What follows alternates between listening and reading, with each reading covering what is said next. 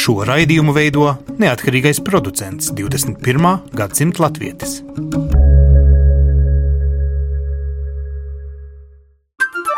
Lai kur mēs būtu, Lai kur mēs būtu, Lai kur mēs būtu, Lai kur mēs būtu, Tie esam mēs. tie esam mēs. mēs. Tie esam mēs. Mēs. Tas ir par mums. Tas ir par mums.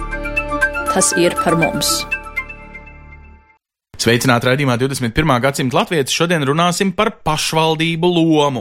Ja iepriekšējā reemigrācijas plānā vienas pieturas aģentūra, nodarbinātības valsts aģentūra un daudz citi bija tā kā vispār atbildīgi, tad daudz teica, ka reemigrācijas plāna viena no nu, ēnas pusēm ir tā, ka tāda Praktiska atbildība nav nevienam. Vai varētu uzvelt tagad uz 119 pleciem? Latvijā ir daudz dažādu līmeņu pašvaldības, lielas pilsētas un maz novada pat tikai ar 2000 iedzīvotājiem, un vai tur mērs savā ikdienā varētu darīt darbu, kas būtu saziņa ar tautiešiem, mājās aicināšana, jaunu darba vietu radīšana un tādas lietas, cik draudzīgas ir pašvaldības šobrīd saviem nu jau bijušajiem iemītniekiem, kas tagad dzīvo ārā no Latvijas. Tas viss jānoskaidro raidījumā 21. gadsimta latviešu, un sāksim ar ļoti praktisku piemēru. Vineta Rasa septiņus gadus dzīvojusi Anglijā.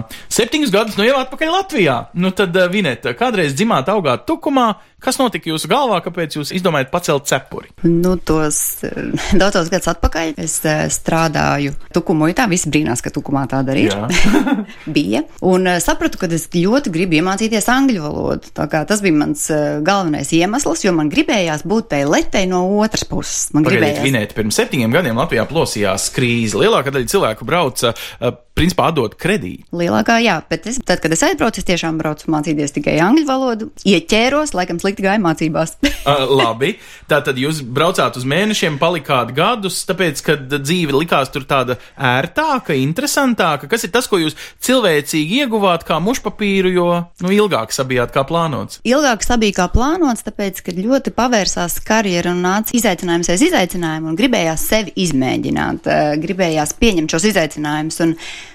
man ir liels prieks, ka es to arī izdarīju, tāpēc, ka ar šo pieredzi, ko es tur ieguvu, es šobrīd varu darboties Latvijā. Labi, nu, vinēt pienāk viens mirklis eh, cilvēka tādā emocionālā stāvoklī, kad viņam tā Anglija kas piegriežās, vai norit kaut kāda draugu dzīve Latvijā paralēli, kurā tu jau vairs nepiedalies un tu paliec greizsirdīgs pats uz sevi, un tev vienkārši jāpieņem lēmums, kur tad tu īsti gribi dzīvot. Kā jūs tiekat līdz šim lēmumam, pēc septiņiem gadiem gribu atpakaļ? Šis lēmums jau bija ātrāk, bet tā sajūta, kas pietrūks dzīvot ārzemēs, tu vari būt tik pieņemts, cik pieņemts vien var būt, un tu vari pelnīt, cik vien tu vari nopelnīt, bet sajūta, ka tu esi savējais, identitātes sajūta, piederības sajūta visu laiku ir pietrūkusi. Jūs nedzīvojat dzīvi uz 100%, bet nauda jums ir kā vairāk nekā Latvijā. Viņa paiet tādā rutīnā, tā dzīve, jo, lai vai kā, tu īsti pa 100% tu nevari iekļauties, tu neesi tās sabiedrības daļa, lai arī tev uztver ļoti, ļoti labi. jums ir gaiša mati, Anglijā arī ir gaiša matēnas sievietes. Nu, labi, jums ir varbūt mazs akcentiņš, bet Anglijā ir pilns ar cilvēkiem, kas runā ar visādiem uh, angļu valodas akcentiem. Nu, tad jūs nepieņemat tā sabiedrību pa 100%. Un es nekad nesapratu angļu joks līdz galam. Tā kultūra, tā kultūra ir ļoti atšķirīga. Gan tā ārējā uzvedības kultūra, gan arī kultūras pasākumi kā tādi, kas man personīgi ļoti pietrūka un pēc kuras bija pilnīgi badā. Tie bija teātri, koncerti, kopējas darīšanas. Tas eh, mūsu kultūras līmenis Latvijā ir ļoti, ļoti augsts. Un tie cilvēki, kas dzīvo ilgi nu, rietumos un saka, es atbraucu šeit, šeit nesmaida, šeit nav iejūtības, šeit nesasveicinās, tas viss neskaitās. Jums vajag savukārt to latvisko, nezinu, nacionālo teātri piekdienas vakaros. Tas īstenībā skaitās, bet eh, nu, es ticu, ka viss nāk no iekšienes. Jo tikko, kad es atgriezos atpakaļ, man arī bija jāpieņem daži asi acu skatieni par to, ka es pasaku sorry, uzskrienot virsū Ah. vai kaut ko tam līdzīgu. Jā, pie mums tukumā tā nerunā. Pie mums tukumā tā nerunā, un pie Noklusē. mums cilvēki ir introvertāki, bet uh, tomēr, ja tu pats esi atvērts, tad arī tev sabiedrība apkārt ir atvērta. Mini, es biju laimīga atgriezties. Kultūras vide. Cilvēks, kas ir laimīgs atgriežoties, ir vajadzīgs mums Latvijā. Nu, jūs tagad atgriežaties. Jūs atgriežaties savā, pirmkārt, tukumā, kur, protams, visi brauc pēc smukuma, bet tomēr tā, piedodiet, ir mazpilsēta. Dzīvot Anglijā, mazpilsētā, lielā, varbūt jūs vienkārši nobijāties no tā, nu, nāciju mučkuļa, kur Anglija vienkārši ir, nu, tur daudz vairāk cilvēku. Tur vienkārši kaimiņš kaimiņam kāpj uz kājas, nevis tā kā brīvi ieelpojams gaiss tukuma pakalnos. Es uh, dzīvoju Gencijā. Ā, maza vispār, saliņa. Kas vispār ir maza saliņa, un es tur jūtos mazliet klaustrofobiski. Vai dieniņ? Jo, nu, tu vari atbraukt 45 minūtēs apkārt visai salē ar mašīnu. Bet e, ne lielumam, ne mazumam nav nozīme, bet tur, kur ir tavi cilvēki, kur ir tavi draugi, tava ģimene, un man, es labāk jūtos mazā tukumā, kur es tomēr vairāk vai mazāk visus pazīstu un jūtos kā savējā nekā lielā Rīgā, kur es kaut kur pazūdu. Vai jūs tikāt sagaidīt ar atplestām rokām, kā pazudušais dēls, vai tukumā viss tev sit uz pleca un teica, hei, cik forši, ka tu esi atpakaļ, ja pa to laiku visas durvis bija aizvēršās, draugi vairs nebija draugi, un, nu, kā ir, ka tu atbrauc savā mazajā ideālajā vidē, un patiesībā taču kaut kas ir noticis pa tiem septiņiem gadiem. Cilvēki taču nestāvēja un negaidīja jūs stacijā, kad jūs beidzot atbrauksiet. Ir noticis, un uh, jāatzīst, ka sākumā tas nav viegli, bet uzreiz ir jāpieņem, ka tas ir tā, tikai laika jautājums. Jo, jā, protams, pa septiņiem gadiem es esmu bijis ārpus savu draugu aprites, un visiem dzīves ir gājušas uz priekšu, bet uh, nav arī noslēpums, ka uh, mēs dzīvi iet uz priekšu, mēs visi arī mainamies, un īstenībā mazliet arī pamainās mūsu draugu lokus un intereses, bet tie, kas ir patiesie draugi, ir mani draugi arī šodien tāpatās kā 20 gadus atpakaļ, un uh, tas ir tikai neliela laika jautājums. Nu, jūs te tagad runājat ar septiņu gadu pieredzi atpakaļ Latvijā, un tagad tas interesantais mirklis. Jūs bijāt atbraukusi uz Tukumu, un tad braucāt pēc darba uz Rīgu, jo Tukumā kaut kā nevarējāt atrast sev ko, piemērot algu, ambīcijas. Tāpēc bijāt ar mieru, saprotu, katru dienu sēsties vilcienā, pusotra stunda, pusotra atpakaļ, nu diezgan nogurdinoši. Tā tas bija. Darbu, protams, Rīgā atrast ir vieglāk, ja sevišķi labi apmaksātu darbu. Un es braukāju katru dienu, nobraukāju trīs gadus, un sapratu, ka es tomēr tērēju ļoti daudz laika un spēka, un es dzīvoju Rīgā vairākus gadus. Tad Rīga jūs nobiedēja, jūs esat atpakaļ Tukumā. Rīga nenobiedēja, Rīga ir iespējas, bet es sapratu, ka, eh, jebkurā gadījumā man, kā jau teicu, šī piedarības un identitātes sajūta un brīvības un, un, un gaisa sajūta, svaiga gaisa sajūta ir ļoti svarīga, un es atgriezos eh, Tukumā pie saviem draugiem, pie savas ģimenes. Tāpat joprojām strādāju Rīgā, bet man ir iespējas šo laiku menedžēt saprātīgāk, lai man nav tik daudz jābraukā. Un kultūru var baudīt arī braucot no tukuma, bet eh, arī tukumā daudz kas pa gadiem virzās un notiek. Tukums paliek arvien aktīvāks, Protams. tukums paliek sociāli interesantāks un saknes ir tur, un es esmu apakaļ tukumā. Jā. Un jūs esat laimīgi, jūs smaidat. Te radio mikrofonu es priekšā jūs esat laimīgi, kad stāstat šo stāstu. Jā, jo es pilnīgi tiešām jūtos kā mājās, jo dzīvoju desmit stāvā, kā sastajā stāvā, es nevarēju sajusties kā mājās. Diemžēl nē. Labi. Nu, mums te blakus ir tukuma mērs Ēriks Lukmans, un jūs, Erika, klausties ar interesi, vai ne? Nu, tas ir tāds konkrēta tukuma iedzīvotāja stāsts. Kā jūs tagad varat tādus kā Vineta noķert atpakaļ? Vai tas ir jūsu kaut kāds pienākums, vai tikai tā morālā runāšana? Jums, kā politiķiem, pirms vēlēšanām pašvaldībā vai saimā, vienmēr nu, piemītas, mēs rūpēsimies, lai visus pašvaldības iedzīvotājus, kas aizbraukuši, mēs dabūtu atpakaļ. Nu, ko jūs praktiski darat? Es uzskatu, ka tas tiešām ir pašvaldības pienākums, jo tukumā mums tiek uzskatīts, ka mūsu galvenā vērtība ir cilvēki, un ja mēs varam konkrētam cilvēkam ko izdarīt labu, tad tāpēc pašvaldība tā arī ir.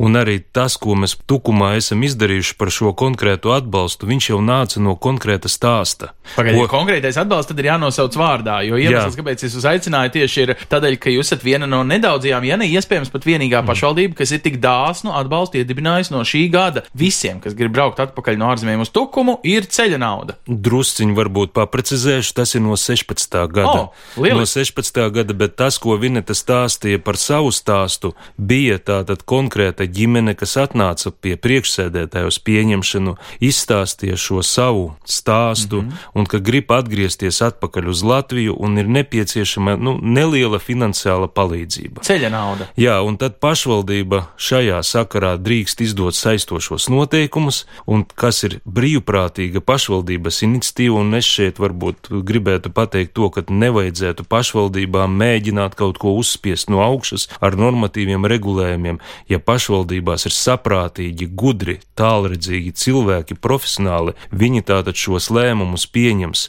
uzklausot savus iedzīvotājus, uzklausot savus uzņēmējus. Erika, eh, man ir ļoti patīkami dzirdēt, ka jūs tā sakat, bet apzvanot 118 vai pašvaldības, prasot pašvaldības savienībai vai kaut kur šāda 500 eiro ceļa nauda, ja brauc atpakaļ uz dzīvi tukumā, ir arī citās pašvaldībās. Nē, nav. Tātad jūs esat unikāli un vienīgie, nu, un jūs taču negribat teikt, ka vienīgā saprātīgie, gan jau citās pašvaldībās arī Nē, ir saprāts. Tad cilvēki baidās no šiem regulējumiem, valsts kontrolas, iespējamiem pārmetumiem, un tā jūs sakat, pareizi izgrozot pašvaldības dokumentus, var atrast gan līdzekļus, gan to gribu apliecināt. Protams, tas ir gal galvenais, ir tātad, ko jūs minat, tātad šī griba līdzekļus vienmēr varēs atrast un šādā veidā palīdzēt cilvēkiem. Jo, ja paskatāmies arī uz Tukuma novadu, no 2009. gada, kad Tukums ir izveidojies, mēs tomēr savus cilvēkus zaudējam. Bija 33 tūkstoši, kad novads izveidojās, dotajā brīdī ir nedaudz vairāk par 30 tūkstoši. Tātad, principā, mīnus 3 tūkstoši tie ir apmēram 10%. Šeit, protams, savā šajā skaitlī būs gan dabiskās šīs izmaiņas, nu, diemžēl arī tukumā un arī kā visā Latvijā mirstība ir lielāka nekā dzimstība, kaut gan tukumā tendence dzimšanai ir ļoti pozitīva. To mēs redzam pēc bērnu dārzu rindām, ka tukums ir viena no tām pašvaldībām, lai arī kā mēs būvētu bērnu dārzus atjaunot, vienalga šī rinda ir. Tātad tas ir jums pozitīvs. nevajadzēja ētrā teikt, jo tagad tie, kas gribēs braukt atpakaļ ar maziem bērniem, domās, nē, uz tukumu nebraukšu. Nē, tomēr e, šajā lietā es gribu iedrošināt, ka ir šī arī ne tikai tas vienīgais, ko mēs runājam par šo atbalstu, ir ģimeņu atbalsta programma, kas darbojas jau arī no 2010. gada, kur ir paredzēts sākot no ēdināšanas izdevumu apmaksas, mm. transporta izdevumu apmaksas, piedzimšanas pabalstiem, bērnu dārza šo nodrošināšanas jautājumiem. sakat tā interesanti. Es teiktu tā, šie sociālie labumi un šīs sociālās atlaides ļoti bieži ir iemesls, kas, eh, nu, tā kā Angliju padara par to fantastisko dzīves vietu. Tur dažiem pat ir ļoti minimāla alga, bet, nu, nāk klāt visi tie bonusiņi, ko pašvaldība maksā. Snāk arī šeit mēs patiesībā mēģinam ar sociāliem labumiem piesaistīt cilvēkus ar visādām piemaksām. Nu, tā ir tāda mākslīga. tāda Es īsti negribētu ne? piekrist, ka tie ir sociālie labumi, jo tātad tādā veidā cilvēkam atgriežoties atpakaļ, vai tā būs Latvijas ietvaros, vai tas arī būtu no ārzemēm, atgriežas jau darba spējīgi cilvēki, tātad iegūši profesiju vai apgūši valodas, mm. un strādāt iespējas ir arī tukumā dotajā brīdī. Nu, labi, paklausīsimies. Tagad Jā. uh, eksperti Ilona Platonova ir uh, iesaistīts eksperts šajā raidījumā nu jau vairāku raidījumu ciklā, strādājis kādreiz ekonomikas ministrijā pie reemigrācijas plāna. Ilona, kā tagad izklausās? Ir tā, ka veiksmīgākās pašvaldības būs tās kā tukums, kas ir pirmie iet uzvar, un viņiem ir pilns saraksts ar visādiem labumiem, katram konkrētam individuālam dzīves gadījumam, ģimenei, šitāds labums, šitādas uh, brīvpusdienas un kaut kādi dzīvokļu pabalsti vai kas. Pašvaldības jebkurā gadījumā ir uh, galvenais rūpju turētājs par uh, Latvijas iedzīvotājiem. Tas ir jau likumiski noteikts, arī līdzekļi viņiem tiek virzīti pietiekami lieli. Visi atbalsta ģimenēm ar bērniem, gan bērnu dārzu, gan ēdināšanas, gan skolu izvietojumā. Tas viss taču ir pašvaldību pamatfunkcijas. Līdz ar to mums ir jārēķinās, ka tas, ka viņas to darīs, ir, manuprāt, tikai pašsaprotami. Un mēģināt teikt, ka viņi tagad konkurē vai kaut kā pielabo, nu, audzināt bērnus, tu pats labi Mhm, zini. zinu. Es zinu ļoti labi, ko nozīmē audzināt mazus bērnus un cik liels izmaksas tas tomēr ir. Līdz ar to šis atbalsts no pašvaldībām ir ļoti zīmīgs. Bet viņš ir īpaši- ļoti atšķirīgs. Mēs zinām, ka daži cilvēki pierakstās, nezinu, mārupē, lai tiktu pie lielākas piedzimšanas naudas bērniņam nekā, nu, teiksim, kādā citā novadā um, pirms dzemdībām. Nu, tātad šeit pašvaldībām vajadzētu arī nosīt mākslīgi vērst sarunu. Hei, mums ir foršāks komplektiņš, ja tu brauc gadienā no Anglijas mājās, brauc pie mums, vecīt. Es domāju, ka tajā brīdī, kad mēs esam panākuši to, ka cilvēks skatās un brauc pie mums, respektīvi uz Latviju, šī iekšējo konkurence viņš jau nepamanīs, jo viņam būs daudzi aspekti, kas ir daudz svarīgāki nekā tas, vai tas komplektiņš ir vienā vai citā veidā.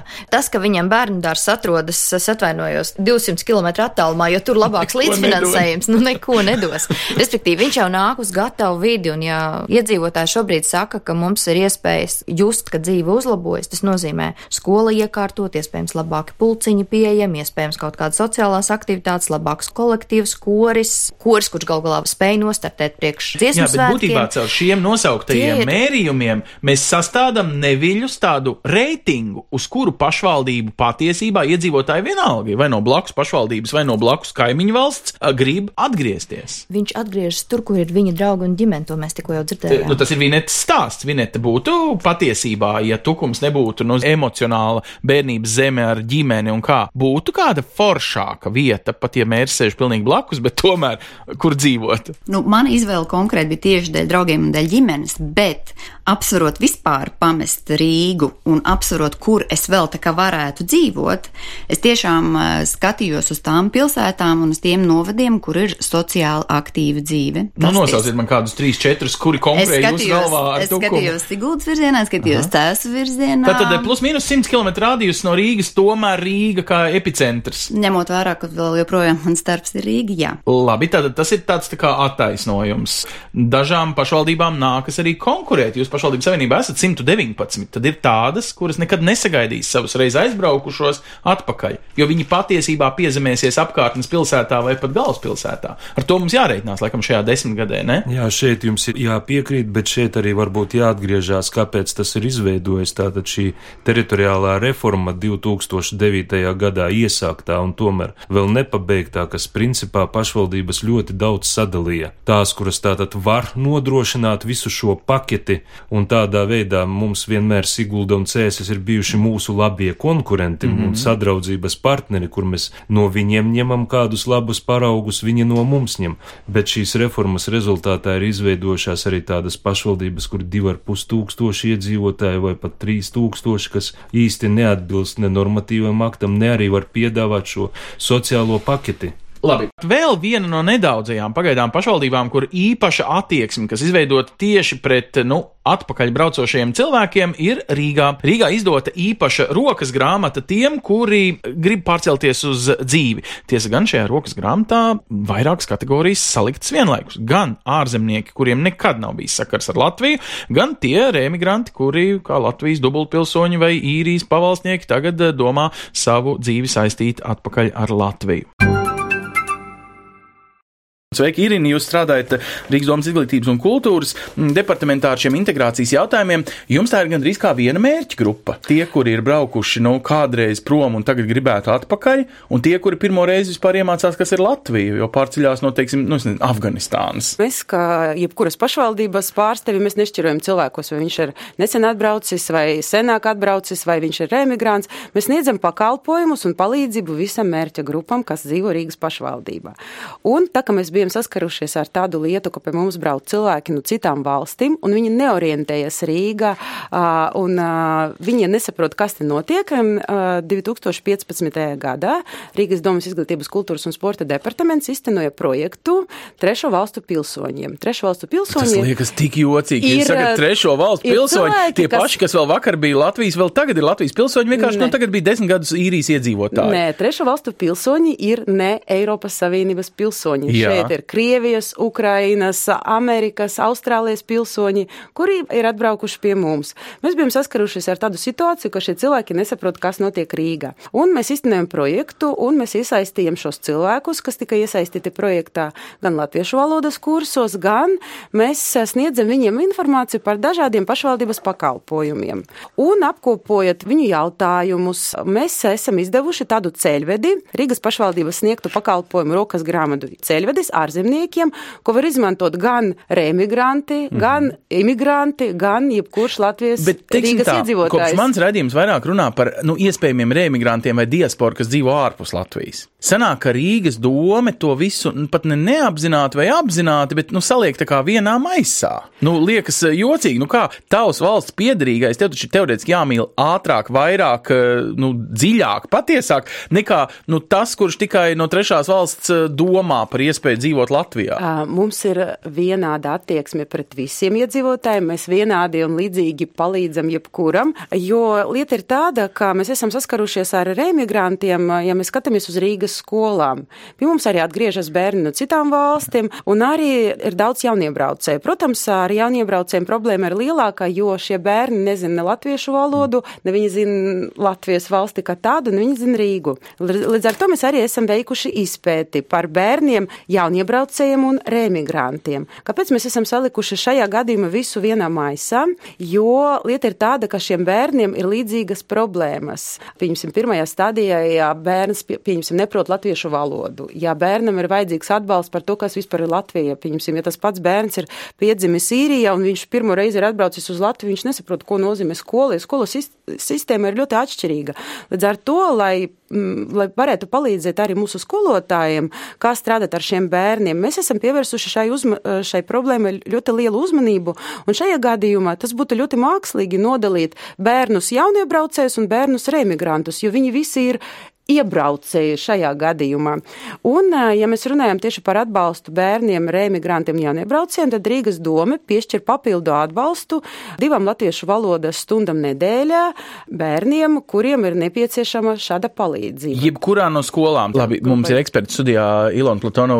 Nu, šī ir tā ideālā bilde, kur mēs nešķirojam cilvēkus pēc, bet vienkārši redzam viņu vajadzības un uzreiz viņus apkalpojam. Es, Ans, redzu, ka tu esi pieskāries vienam aspektam, kur tu esi pamanījis. Jā. Tad, ja ir nav nauda pašvaldība var rīkoties ar papildus līdzekļiem. Trešo valstu pilsoņu integrācijai bija pieejama diezgan liela Eiropas Savienības fondi. Tādēļ pašvaldības zem šī karoga var izdarīt ļoti daudz, jo es pilnīgi piekrītu Rīgas domas pārstāvei. Vajadzības ir līdzīgas, ja bērns neprot valodu, ja ģimene neorientējas esošajā atbalsta infrastruktūrā, kur un kas ir jāmeklē, tad pilnīgi nav atšķirības, vai tā ir trešo valstu pilsoņi vai tie ir remigranti. Bet vienīgi no malas izklausās dīvaini, bet, bet nauda, nauda no Eiropas bija. nāca pašvaldībām šiem trešo valstu pilsoņiem, bet remigrācijas veicināšanai kaut vai šai praktiskajai lietai, principā, nu, tik cik varēja varbūt sakombinēt interešu grupas, bet puslegālā veidā gandrīz. Tikai ja vien valsts budžets būtu Nē, tam veltīts vai pašvaldības. Bija, tātad, ja mēs paskatāmies, nav gluži tā korekti, jo, piemēram, apmācības latviešu valodas metodikas mācīšanai tika finansēts no reemigrācijas plāna.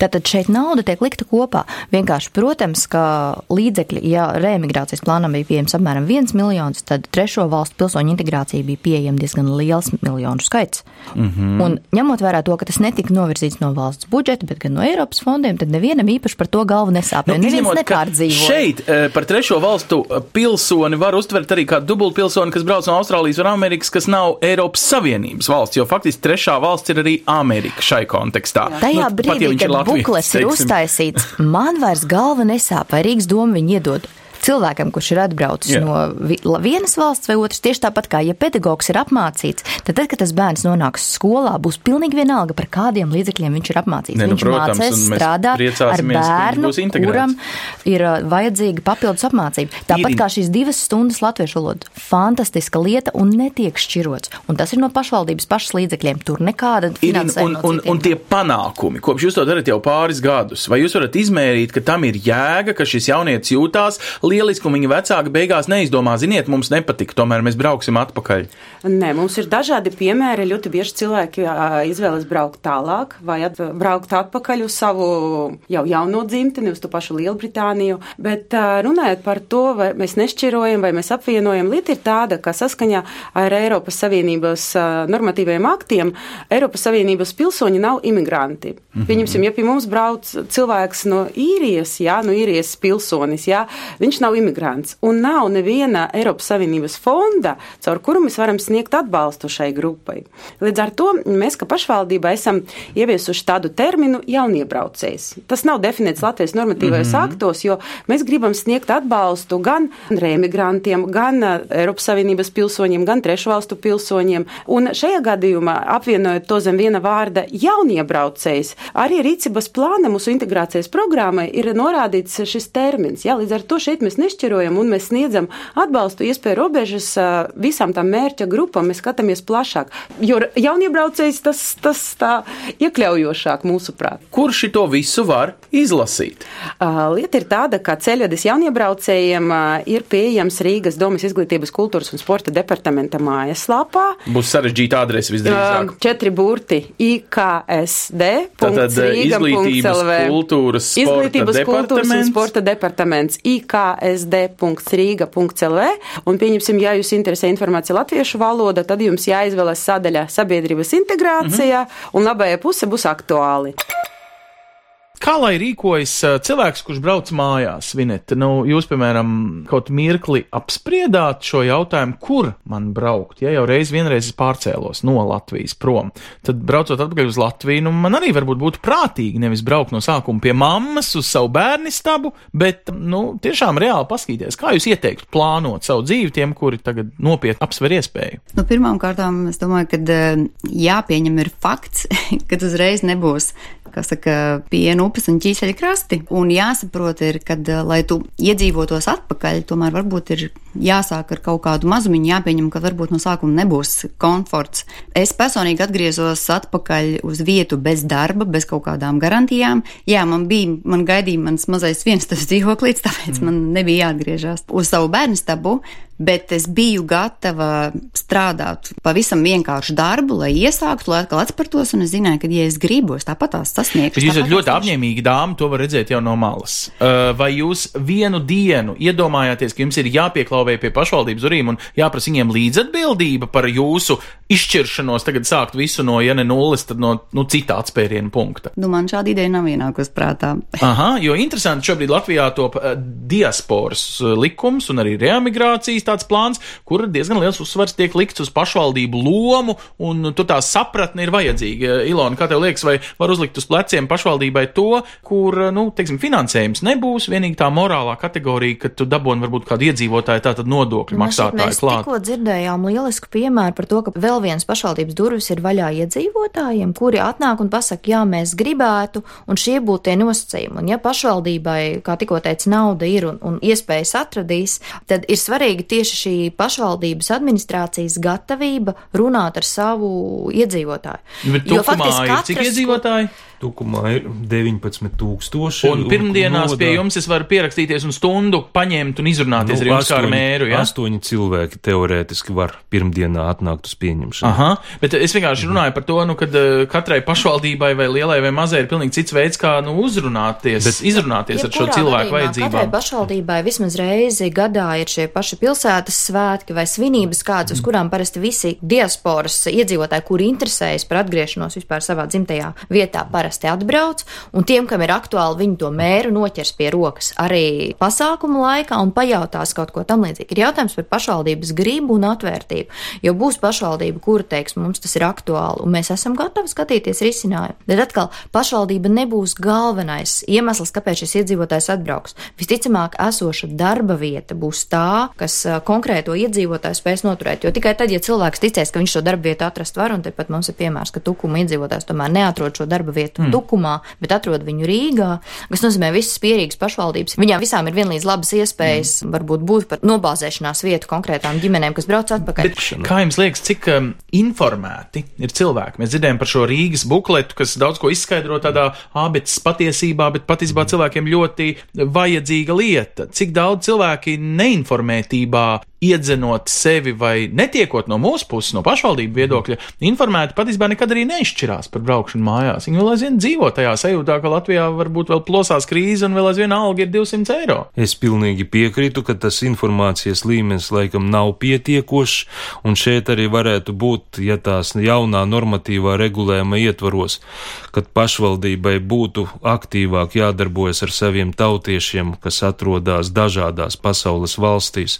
Ar to to būtu jādarbojas. Nu, dotajā brīdī mums šie sakari arī diezgan tādi fragmentāri, vai tās mūsu nevalstiskās biedrības, ar kurām tātad pašvaldība darbojas, un tālāk tas notiek, piemēram, Anglijā vai Īrijā ir šīs mūsu cilvēki, kur mēs braucam ar saviem koncertiņiem, varbūt mm. nelieliem, mm. mūsu tātad jaunieši, mūsu tātad šie kori, varavīksne mums ir tāds pazīstams, tātad koris, kas jaunieši brauc tādā veidā, radot veidot šo tomēr saikni ar, dzimteni. Tas vispār ir interesants pieejams. Es esmu dzirdējis, ka tieši īrijā cilvēki, kas, teiksim, reiz dzīvojuši Valmierā, čupojas ap vienu pilsētu, tur kaut kur ap citu pilsētu, kāds no, teiksim, tukuma izceļojas. Tas varētu nostrādāt, ne? Proti, cik daudz mēs varam uzlikt uz pašvaldību pleciem, Ilona, lai pašvaldībām tagad, principā, jauns pienākums. Turklāt vēl naudu viņām par to nedos. No.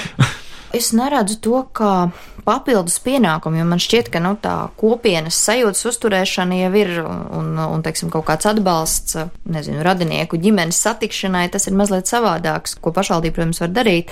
Es neticu, ka tas kaut kā tā, nu, ar klikšķi dos rezultātu, ka mēs tagad šos cilvēkus dabūsim atpakaļ. Faktiski jau ļoti daudz no šīm aktivitātēm ir vienkārši uzturēt uh, labas attiecības ar cilvēkiem, kuru bērni varbūt kādreiz atgriezīsies. Tik skarbi. Es Mēs taču, eh, pietiekami. es nezinu, jebkurš politiķis taču rēķinās, ka viņam tagad četri gadi amatā šajā sasaukumā, viņam jādabūna kvalitatīvie un kvantitatīvie rādītāji, jāpierāda. Kvalitatīvie un kvantitīvie rādītāji mums pirms tam nosauc mīnus 10% iedzīvotāju. Mm -hmm. nu, tad tad uh, mēs nevaram pēkšņi cerēt, ka tukums viens pats, jo īpaši, kad mēs vislielāko pērli Rīgu visu laiku apdalam ar investīcijām, jo tā būtu nu, vienīgā, kur tā kā rauj uz augšu to ekonomiku un kur varētu dabūt straujāku izaugsmu, ja tieši zināšanās un inovācijās tiktu ieguldīt lielāki līdzekļi. Ja zinātnieku algas būtu nevis no projektiem, bet arī pastāvīgi nodrošināts, tā kā piemēram šobrīd būs, bija uzrāviens ar doktorantu skaitu, Nākamajā periodā mēs varam garantēt redzēt, ka tūlīt doktorantu skaits pamatīgi kritīsies, tāpēc, ka nav jau finansējuma viņiem, un neviens uh, cilvēks, kurš varētu studēt doktorantūrā, un kuram ir jāuztur ģimene, vienkārši vispār nevar apsvērt normālas studijas. Tātad, ja šīs sadaļas, ka Rīga strauji aug un mēģina pielīdzināties metropolēm, nebūs, nu tad arī pārējiem tādiem pierīgas reģioniem ir ļoti grūti kaut kā atvilkt šos iedzīvotājus. Bet tad, ja jau sākām par šo taciņu, vai nav arī godīgi pateikt, ka reemigrācija, ja tāda reiz sāktos nopietnās traumē uz valsti, būtībā būs pilsētās, kas ir nu, vismaz lielpilsētas, un vismaz ar universitātēm, un vismaz ar uh, septiņām brīvām vietām, jaunām fabrikām vai uh, kaut kādai uzņēmumu dibināšanai. Nē, tāpēc, ka mēs ļoti labi saprotam, ka šie cilvēki var dzīvot ne tikai Rīgā, viņi var dzīvot līdz 100 km attālumā no šīs uh, Rīgas. Labi, paprasam biznesmenei. Viņi ir iedibinājusi firmu tieši Rīgā, bet dzīvo aizvien savā laimīgajā 100 km attālumā no Rīgas eh, laimes zemē, tukumā. Kā tas ir, Vinet? Eh, Mums ir jārēķinās vienkārši, ka reemigrācija automātiski skars lielpilsētas. Es domāju, ka primāri ir vieglāk atgriezties, bet um, es personīgi nedomāju, ka tikai tas skatoties, ko cilvēks uh, grib darīt, skatoties, ko viņš darīs. Ja ražot, es personīgi esmu domājis arī par ražošanu, tur mēs domājam īstenībā ārpus Rīgas un ārpus bagātajām pašvaldībām, jo tad nevar pretendēt uz Eiropas investīcijām, ja tu esi bagātajās pašvaldībās. Tad jūs esat tas biznesmenis, kas lieliski zina, kāda visādi labuma no ārpus pilsētām nelauksaimnieciskai ražošanai ir iespējami no Eiropas Savienības fondiem. Ja? Jā, un tad mēs esam skatījušies tieši uz tām tukšākajām, uz tām mazākajām pašvaldībām, un to domu arī neatmetam. Drusciņš šaubamies, tāpēc, ka situācija ir nestabila, kā tāda ražošanas plāni ir atlikti uz neilgu laiku. Ļoti liela nozīme, un to rāda arī visi akadēmiskie pētījumi par emigrāciju, ka tas, ko teiks Latvijā dzīvojošie šo cilvēku radinieki, būs izšķirošs. Tam vai cilvēki vēlēsies atgriezties. Vineta, jūsu mamma bija priecīga, kad jūs braucāt mājās, bet kā bija ar tiem apkārtējiem, tiem tukuma vienkāršiem iedzīvotājiem? Nu, ko tad tu te atskrēji, vai tu zini, cik mums ir maza alga? Dabūjāt šī tādu lielveikalā no vecas draudzenes? Nu, pārsteiguma jautājums es dabūju, zinot, cik man labi gāja, bet te pašā laikā pārējie ir ļoti priecīgi un ir priecīgi, kad cilvēks kaut ko dara, apskat, gal galā iegūst papildus pieredzi un brauc un pēc tam dara šeit. Jā, un ja to sajūtu var akumulēt katru vienu pašvaldību, tad ir šis lieliskais stāsts, kā šodien tukumā. Es tiešām priecājos, nav pirmsvēlēšana laiks, tiecīgi pilnīgi bez aizspriedumiem jums sit uz pleca un saku paldies gan Ērikam Lukumam, gan Vinetai Rasai, kur ir nolēmusi savu dzīvi aizvien saistīt ar tukumu, bet jā, pat ja biznesa ir kaimiņu pilsētā ar nosaukumu Rīga, un paldies arī Ilonai Platonovai, kura kā eksperts savukārt piedalās nu jau vairākos raidījumos, kur mēs mēģinam saskaņot, vai vārdi iet kopā ar darbiem. Proti šis reemigrācijas vilnis, kuram tagad nu vajadzētu visādu ekonomisku vai emocionālu iemeslu dēļ varbūt tomēr sākties, vai viņš ir patiess. Mēs mēģinam tikai tādā deklaratīvā formā uzrunāt šo iekšējo noscīt Latvijas sabiedrības sāpi. Raidījumu veido Ancis Bogustovs, Paula Gulbinska, Arta Skuja un mūsu ārzemju korespondenti.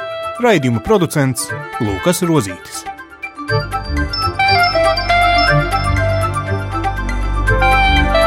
Lai kur mēs būtu, lai kur mēs būtu, tas ir par mums, tie esam mēs, tas ir par mums, tie esam mēs, tie esam mēs. Tie esam mēs. Tie esam mēs.